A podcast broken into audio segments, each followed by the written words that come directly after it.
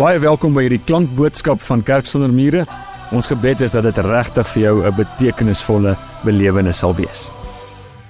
Here, ons vra dat U ook vanoggend U heiligheid met ons sal deel en U self van ons sal bekend maak, dat ons sal weet wie U is en U op 'n nuwe manier sal belewe. Ons bid dit in die naam van Jesus. Amen.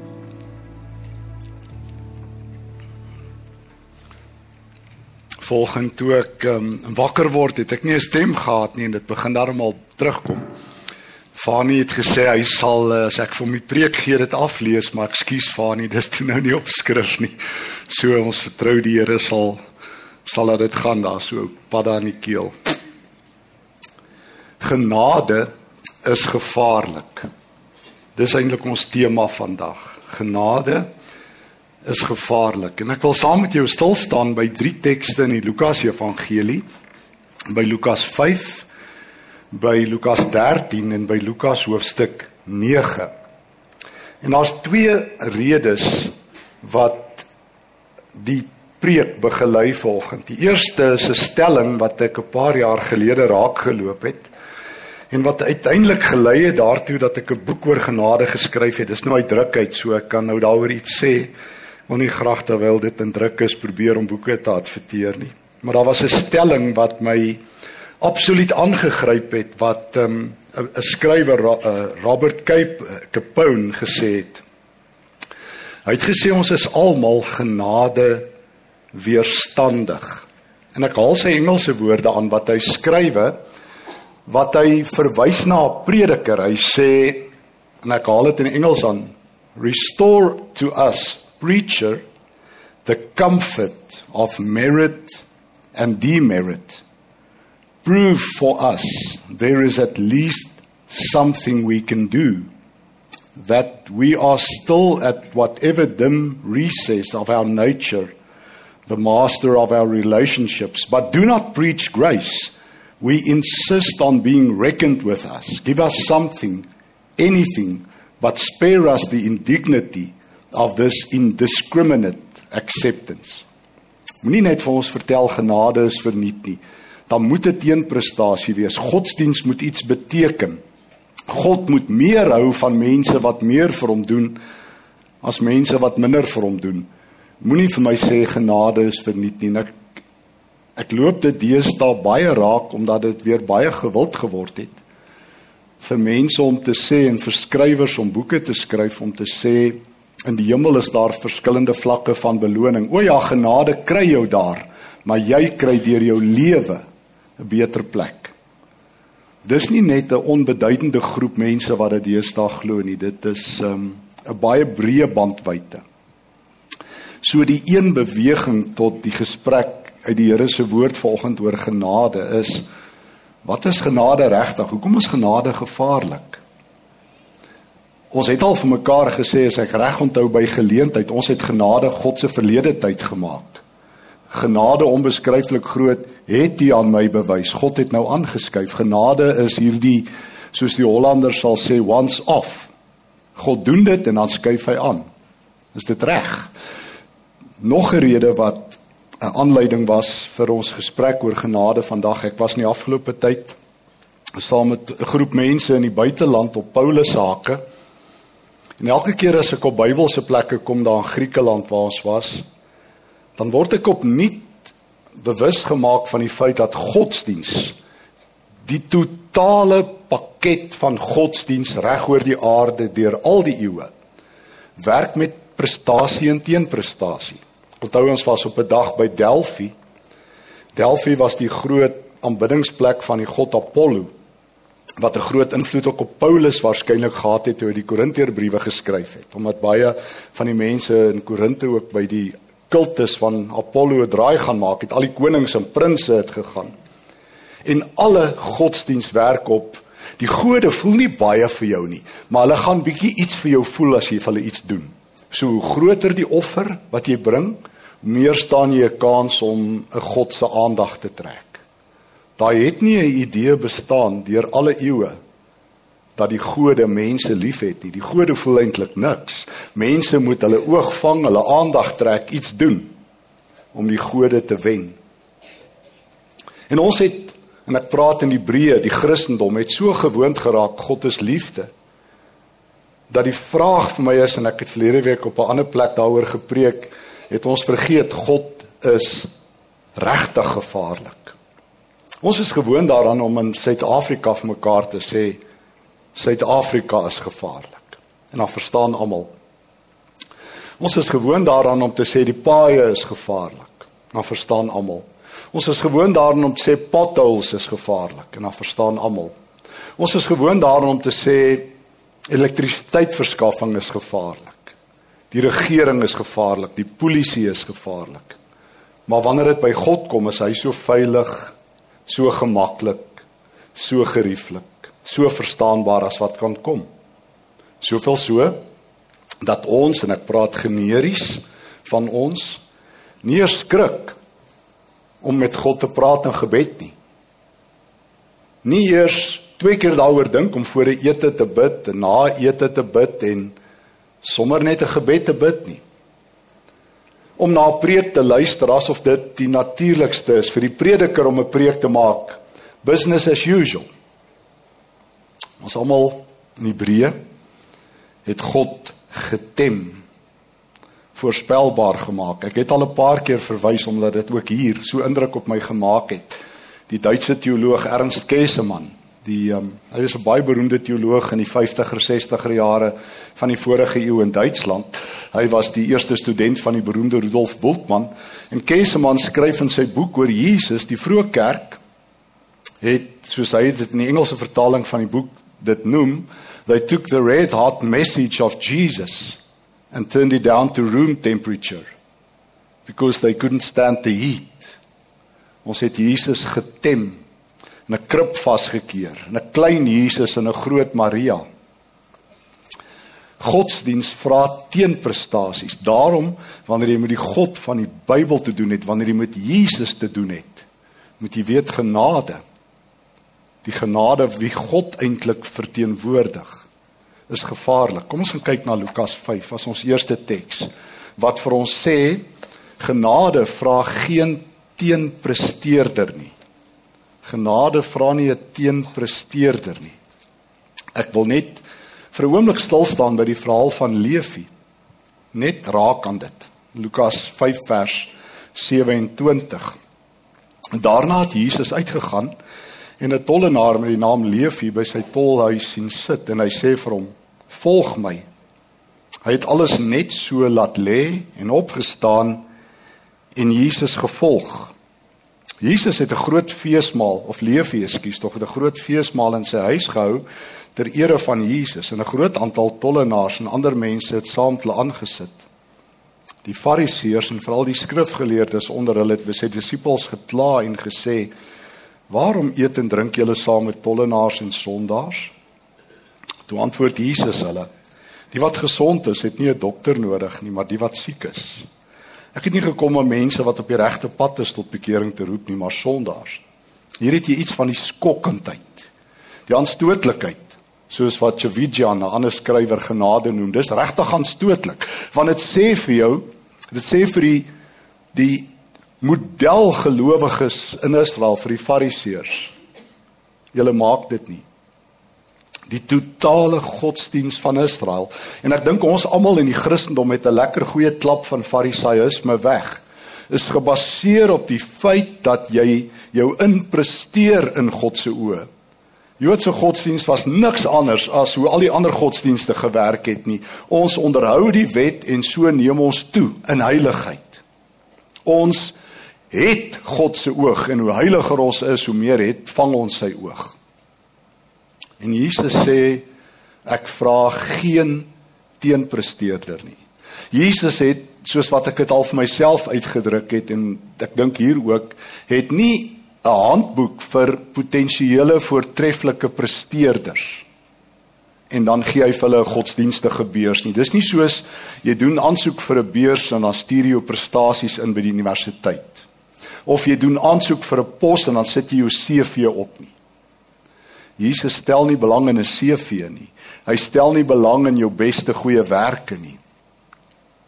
Iemand het een keer vir van jou kerkvaders gevra, "Hoe gaan jy eendag voor God staan?" Hy sê, "Ek kan nie eens met my sonde voor hom staan nie, wat nog te sê my regverdigheid." Bietjie dink daaroor. Ek kan nie eens met my sondes voor God staan nie. Dit het ek ten minste self gedoen.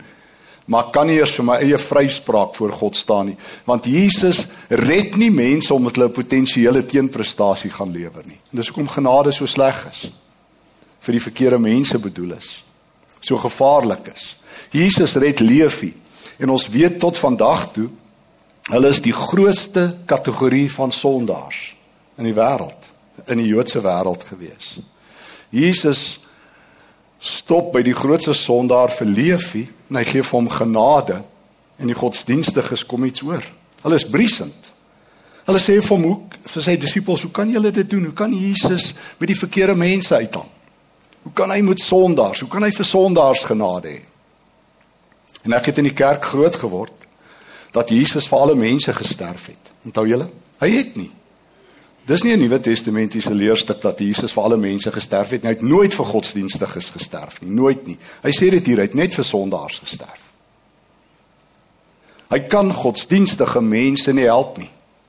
Mense wat dink, Here, dit moet iets tel, moet my nie so beledig dat my goeie werke nie tel nie. Ek onthou die eerste keer dat ek moet uh, dat ek of ja, dit was 'n paar kere, maar die eerste keer wat 'n uh, godsdienstige my regtig aangevat het, as 'n jong ouetjie was toe ek teen 'n Halleluja lied gepreek het. Moet ek gaan met leë hande. Oeg, ek het dit gesing, dis so lekker lied. Moet ek gaan met leë hande, moet ek so my Heer ontmoet. Nie een siel gewy aan Jesus, niks te offer aan sy voet. En toe sê ek jy moet so gaan. En toe die dominee se vrou my by die ring wou sy my gaan aankla. Sê ek ek verdedig nie die Bybel teen Halleluja lied nie. Julle kan my maar aankla. Laat ons sien waar gaan daai partytjie heen. Ehm um, Ek verstaan dit. Maar dis juis die ding. Moet my nie so beledig dat God my red sonder 'n teenprestasie klousule nie. Moet my nie so beledig dat dit niks tel dat ek my lewe aan die Here gewy het moet my nie so beledig dat ek 40 jaar in die sendingveld gegee het en hier kom 'n ander ou aan die kruis tot bekering en ons kry dieselfde loon nie. Dan moet vir my 'n beter plek in die hemel wees as vir hom.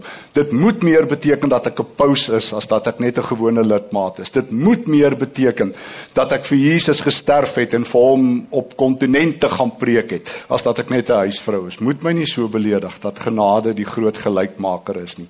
Dan moet 'n bo dorp en 'n onder dorp in die hemel wees dan moet 'n kroon ekstra wees vir die harde werkers. Leef jy kan nie saam met my in die hemel sit op dieselfde plek nie en Jesus sê genade vra nie 'n teenprestasie nie. Jesus doen klaar die prestasiemeting. Kan ek dit weer sê? Jesus doen klaar die prestasiemeting. In die wêreld waarin ek dikwels leef en beweeg, ehm um, ehm um, wat baie keer buite die kerk is in die afgelope week ook, is prestasiemeting belangrik. Jy betaal mense salarisse op grond van prestasiemeting. Nou kom jy in die Nuwe Testament dan sê die Nuwe Testament Jesus het dit klaar betaal. Hy het dit klaar betaal. So daar is geen teenprestasie nie. Ehm um, teenpresteerder nie. In Lukas 13 verduidelik hy dit nog meer. Die res van jou lewe is ook geen teenprestasie nie. In Lukas 13 vertel Jesus 'n gelykenis, ons tweede teks. So daar's geen teenpresteerder nie. Jesus red nie potensiële 'n top 10 presteerders. Hy gaan soek nie uit 'n katalogus van van oulike mense, die beste ouens om hom te volg nie. Hy vat sondaars. En dan sê hy vir hulle, julle is vir altyd myne. Ek het vir agteruit betaal, ek het vooruit betaal, ek het tot in ewigheid betaal. Ek red jou nie net tot in April 2023 nie, ek red jou tot in ewigheid. Ek het jou sondes lig gegee. Jy's myne. Jy sal vir altyd myne wees. So dis die eerste punt. Die tweede punt Genade beteken nie moet nou van nou af iets gaan doen nie. Genade beteken net op die regte plek wees. En dit leer Jesus my in Lukas 13 vers 6. Hy vertel 'n gelykenis. Jesus is op sy beste sy stories vertel. Daarna het hy hierdie gelykenis vertel. 'n Man het 'n vrye boom gehad wat in sy wingerd geplant was. Toe hy vrugte daarin kon soek, maar niks kry nie, sê hy vir die tuinier: "Kyk, dit is nou 3 jaar dat ek in hierdie vrye boom vrugte kom soek en ek kry niks, kap hom uit. Daar's geen prestasie nie. Die dis dis jy verwag van vye bome in 'n wingerd om vye te dra. Anders het jy anders het jy dit blarebome genoem, nie vye bome nie. Ons weet wat se verskil tussen 'n blareboom en 'n vye boom nie waar nie. Jy soek vye by 'n vye boom. So ek soek prestasie in 'n wingerd soek ek vrugte. Kap hom uit. Maar die tuinier antwoord: "Meneer, laat hom nog hierdie jaar staan. Ek sal die grond rondom hom omspit en bemes. Miskien sal hy volgende jaar vrug dra." So hier is die volgende ding wat ek oor genade leer. Jesus vat die risiko dat ek nog vrug dra ook. Hy vat die risiko om my te red terwyl ek 'n sondaar is en alles te betaal. En genade sê hy vat die volgende risiko. Hy sal sorg dat ek vrug dra. Mens hierdie gelykenis baie mooi lees. Ek moet 'n storie bely. Um en dis ook iets persoonlik. Ek het in my lewe twee keer 'n boek oor genade geskryf. Paar jaar voor hierdie een het ek 'n ander boek geskryf, Vrygespreek. En ek het hierdie teks, hierdie um Lukas 13 vers 6 tot 9 vir 'n jaar lank elke dag gelees, letterlik elke dag. Want ek het gedink hier lê die sleutel om genade te verstaan. En ek het dit nie gekry nie. En ek het elke dag vir die Here vra, "Hoekom moet ek hierdie gelykenis lees?" En toe op 'n dag gaan die lig by my aan. Ek verstaan genade verkeerd. Vir my is genade 'n teenprestasie, kan ek verduidelik. Ek verduidelik dit altyd met die voorbeeld en dalk het ek hier ook al gedoen. My dogters toe hulle op skool was, En hulle gaan Vrydag aand uit, dan sê pa vir hulle, julle is 12 uur terug of 11 uur terug in die huis. Dan kom hulle half 12. Ek weet julle het nie sulke kinders nie, ek het sulke kinders. Kom hulle half 12 terug, dan sê ek ek het gesê 11 uur, dis die reël, nog een kans. Kom hulle volgende week kwart voor 12 terug. Dan sê ek julle is gehok. Dan huil my dogters my hart sag. My vrou sê daar het Leo weer. En dan sê ek nog een kans. Dis hoe ons oor genade dink. Ek hoef niks doen nie. Wie moet presteer? Ek hoef niks te doen nie. Hulle moet presteer. En baie mense dink dit is wat God doen. Hy sê ek gee jou nog een kans. Jy het nou nog hierdie week 'n ekstra kans. Nee nee nee. Hoor mooi, die tuinier sê ek vat die kans. Christus is die tuinier in hierdie wingerd en hy sê hierdie boontjie dra nie vrug nie. Ek red mense soos Leefie, so genade is vir die verkeerde mense bedoel. En tweedens, hoef hulle nie eers te presteer nie. Ek sal die grond omspit en bemes. Ek sal sorg dat hulle vrug dra. So al wat ek moet doen is niks. Wees in die wingerd. Wees daar waar Jesus is en hy sorg vir die res. Sjoe. Dit klink almal lekker evangelie en dis hoekom genade gevaarlik is.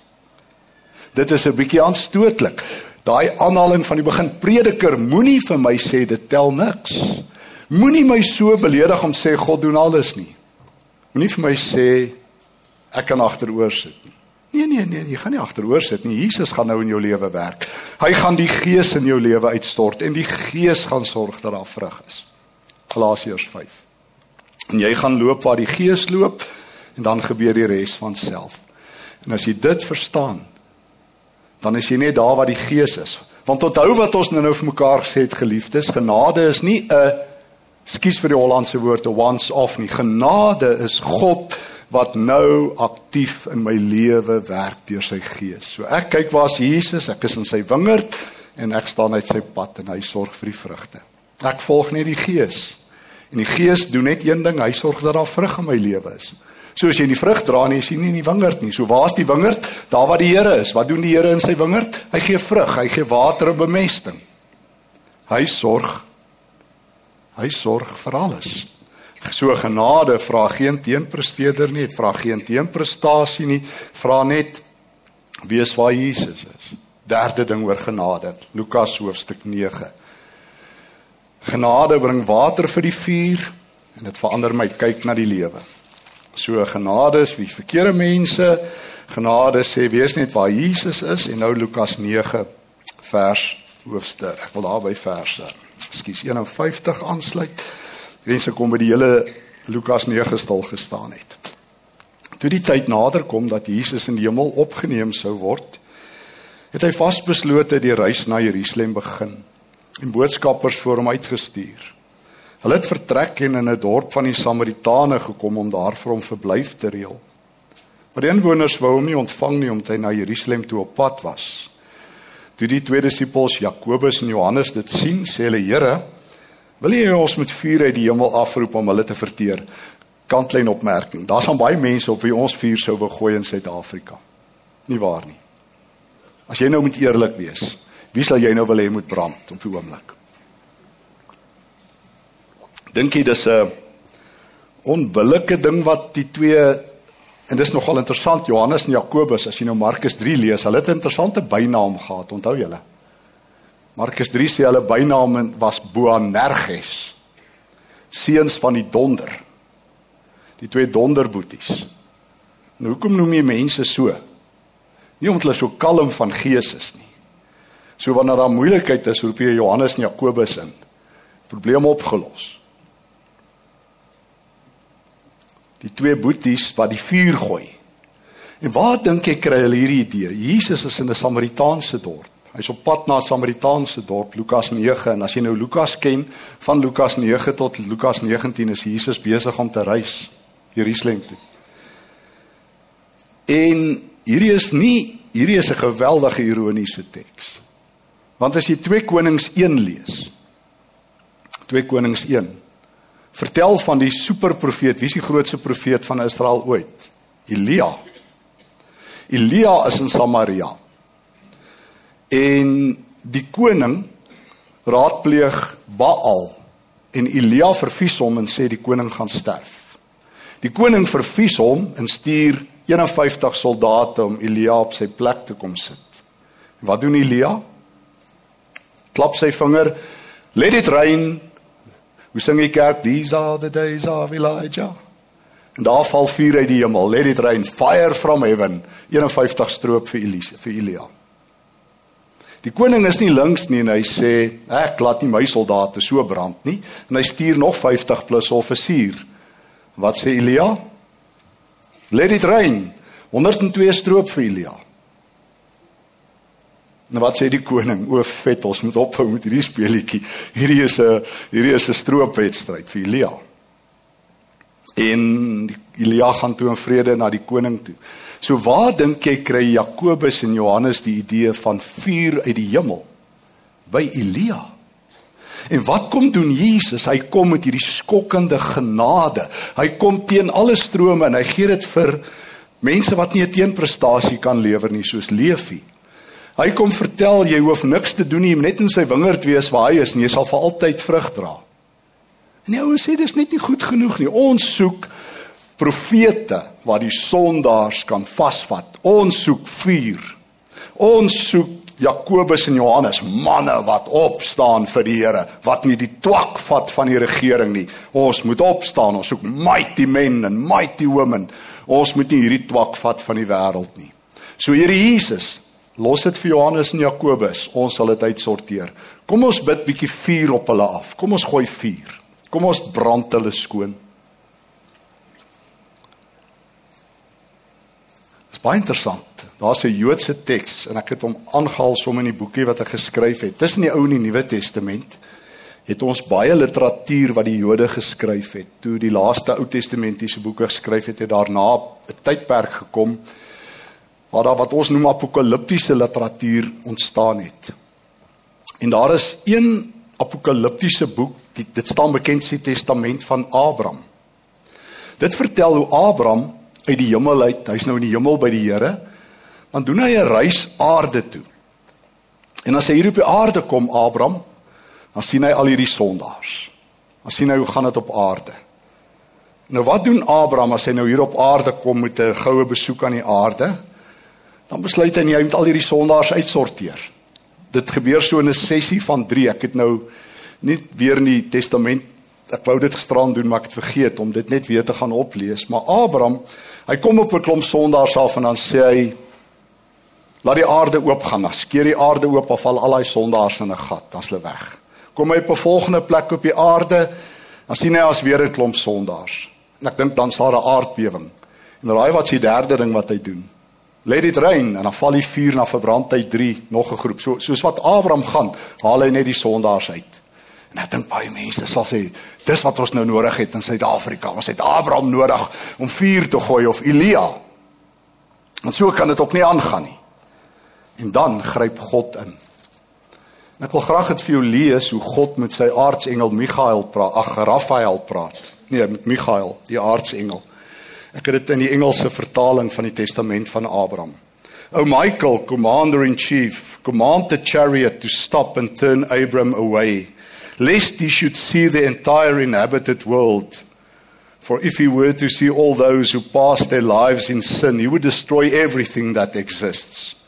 For behold, Abram has not sinned and he has no mercy on sinners, but I made the world. And I do not want to destroy any of them, but I want to delay the death of the sinner until he should convert and live. Conduct Abram to the first gate of heaven and repent. God roep Abraham terug. Hy sê Abraham het geen genade nie. Abraham omdat hy nou hierdie regverdig is, gee nie om vir sondaars nie. Ek brand nie mense met vuur nie. Ek wil sondaars bekeer, sê God. Wat doen Jesus? Kom ons lees verder. Wat doen Jesus? Wat is genade? Ek lees in vers 54 van Lukas 9. Toe die twee disippels, Jakobus en Johannes, ehm um, ehm um, dit sien dit hulle sê Here wil hê ons moet vuur uit die hemel af afroep en hulle verteer maar hy het omgedraai en hulle skerp tereggewys. Daarna het hulle hulle reis voortgesit na 'n ander dorp toe. Dis God in volkleur. Jesus blaas die vuur dood. Jy kan maar sing saam met die kerk van van weleer, these are the days of Elijah. Maar Jesus sê these are the days of Jesus. En nou blaas ek die vuur dood. Ek bring water vir die vuur. Genade is gevaarlik het ons begin om vir mekaar te sê want is vir verkeerde mense bedoel. Genade vra nie 'n teenprestasie nie. God gee dit vir jou verniet. Hy gee dit vir jou vir altyd. En hy sê al wat jy moet doen, bly my wingerd. En ek sal nog sorg dat jy vrug dra. En ek sal sorg dat jy nie leef met vuur in jou hart, die verkeerde vuur nie, met die vuur van die Gees ja, maar nie met hierdie vuur van Elia nie, want dit vernietig. Ek bring water, sê Jesus. En Jakobus en Johannes moes die les van hulle lewe leer. En weet jy wat vir my mooi? Johannes se naam het verander. Onthou jy? Jakobus is vermoor in Handelinge 12. Ehm um, hierdie Jakobus. Johannes was die langslewende apostel en onthou jy wat word sy naam? Die geliefde disipel. Hy word die disipel wat oor die liefde skryf, die eerste Johannesbrief. So God se genade verander jou. Jy bly nie bo aan nerges nie. Jy's nie so gemaak en so gelaat staan. Jy's nie diklip lang gesig. Jy sorteer nie alles uit soos die wêreld dit uitsorteer nie. O, as jy Jesus volg, volg jy hom op sy terme. Nou die dag vertel iemand dis tyd dat Christene opstaan dat ons weer Hy hy gebruik die voorbeeld en hy sê vir my kyk wat doen die moslems hulle vat nie twak nie. Toe sê ek vir meneer as dit jou so beïndruk word 'n moslem ek kan reël ek sal vir jou imam reël dan word jy 'n moslem. Dan kan jy almal reg sien, reggeruk, uitsorteer, vasvat en slaan. Want hy sê vir my dissipline is hom ingeslaan. Sê ek nee, dis reg, maar genade is aan my gegee. God het nie genade in my ingeslaan nie, hy het dit verniet vir my gegee. En Jesus modelleer dit en ek volg Jesus. Ek herinner my altyd aan 1 Petrus 2 se woorde. Petrus skryf, hy sê in 1 Petrus 2 vers 21: Hiervoor is jy geroep, Stefan en julle, omdat Christus vir jou gelei het en so vir jou 'n voorbeeld gestel het sodat jy in sy voetspore kan volg. Hoor mooi, sodat jy in sy voetspore kan volg. Hy het geen sonde gedoen nie. Uit sy mond het daar nooit 'n leuen gekom nie. Toe hy beledig is, het hy nie terugbeledig nie. Toe hy gelei het, het hy nie gedreig nie, maar dit aan God oorgelaat. O, dis die lewe van Jesus. Dis kom genade moeilik is. Want as ek my ou natuur aanneem, as ek is wie ek is, wil ek 'n paar mense regruk in Suid-Afrika, hulle fortuin vir hulle vertel. Hulle op hulle plek sit. Maar wanneer ek die lewe van Jesus leef, dan sien ek hy het my gered as sondaar. Ek het waaragtig niks, nie eens my beste goeie werk tel iets nie. Ek kan nie eens die beste ding wat ek ooit op aarde gedoen het vir die Here vat sê ek het dan een keer iets reg gekry nie. Jesus sê ek hou in elk geval van jou. Die feit dat ek jou liefhet sê meer van my as van jou. Ek het jou in elk geval liewer as wat jy my het. Dis genade. God hou meer van my as wat ek van hom hou. Dis genade. En ek sê jy vir altyd lief hê. En al wat jy moet doen, ek net een ding, stel net jou lyf daar waar ek is. As ek nog my gees aan jou gee en ek sal vir jou gee as jy slaap, soos een Psalm sê en ek sal vir jou goed wees en ek sal vir jou gee wat jy nodig het. Ja, jy kan my aanroep en jy gaan gehoorsaam wees. Maar ek gaan jou nie 'n beter plek gee nie want ek het jou klaar die beste gegee. En dan gaan jou hart verander van vuur na water. sien jy kans vir genade? sien jy kans vir die gevaarlike God oor sy woord? Amen. Liewe Here, Ek moet bely dat genade maklik kom en moeilik. Dit is maklik vir my as dit vir my bedoel is, maar moeilik as ek dit aan ander mense moet bewys. Dit is maklik vir my om te sing oor die genade. Maar as ek hoor Here dat ek niks kan teenpresteer nie. En selfs nie is die vrug wat ek dra dat dit 'n teenprestasie is. Dan raak dit bietjie moeiliker. Dit raak nog moeiliker, Here, as ek saam met Johannes en Jakobus vuur op die aarde wil gooi en U bring water. Ek wil ook soos Abraham 'n toer oor die aarde vat en elke sondaar met vuur verbrand. En tog kom U en sê U kom om mense te red. Here, U het my 'n voorbeeld gestel soos ek hier in 1 Petrus 2 hoor. Leer my om in U voetspore te volg.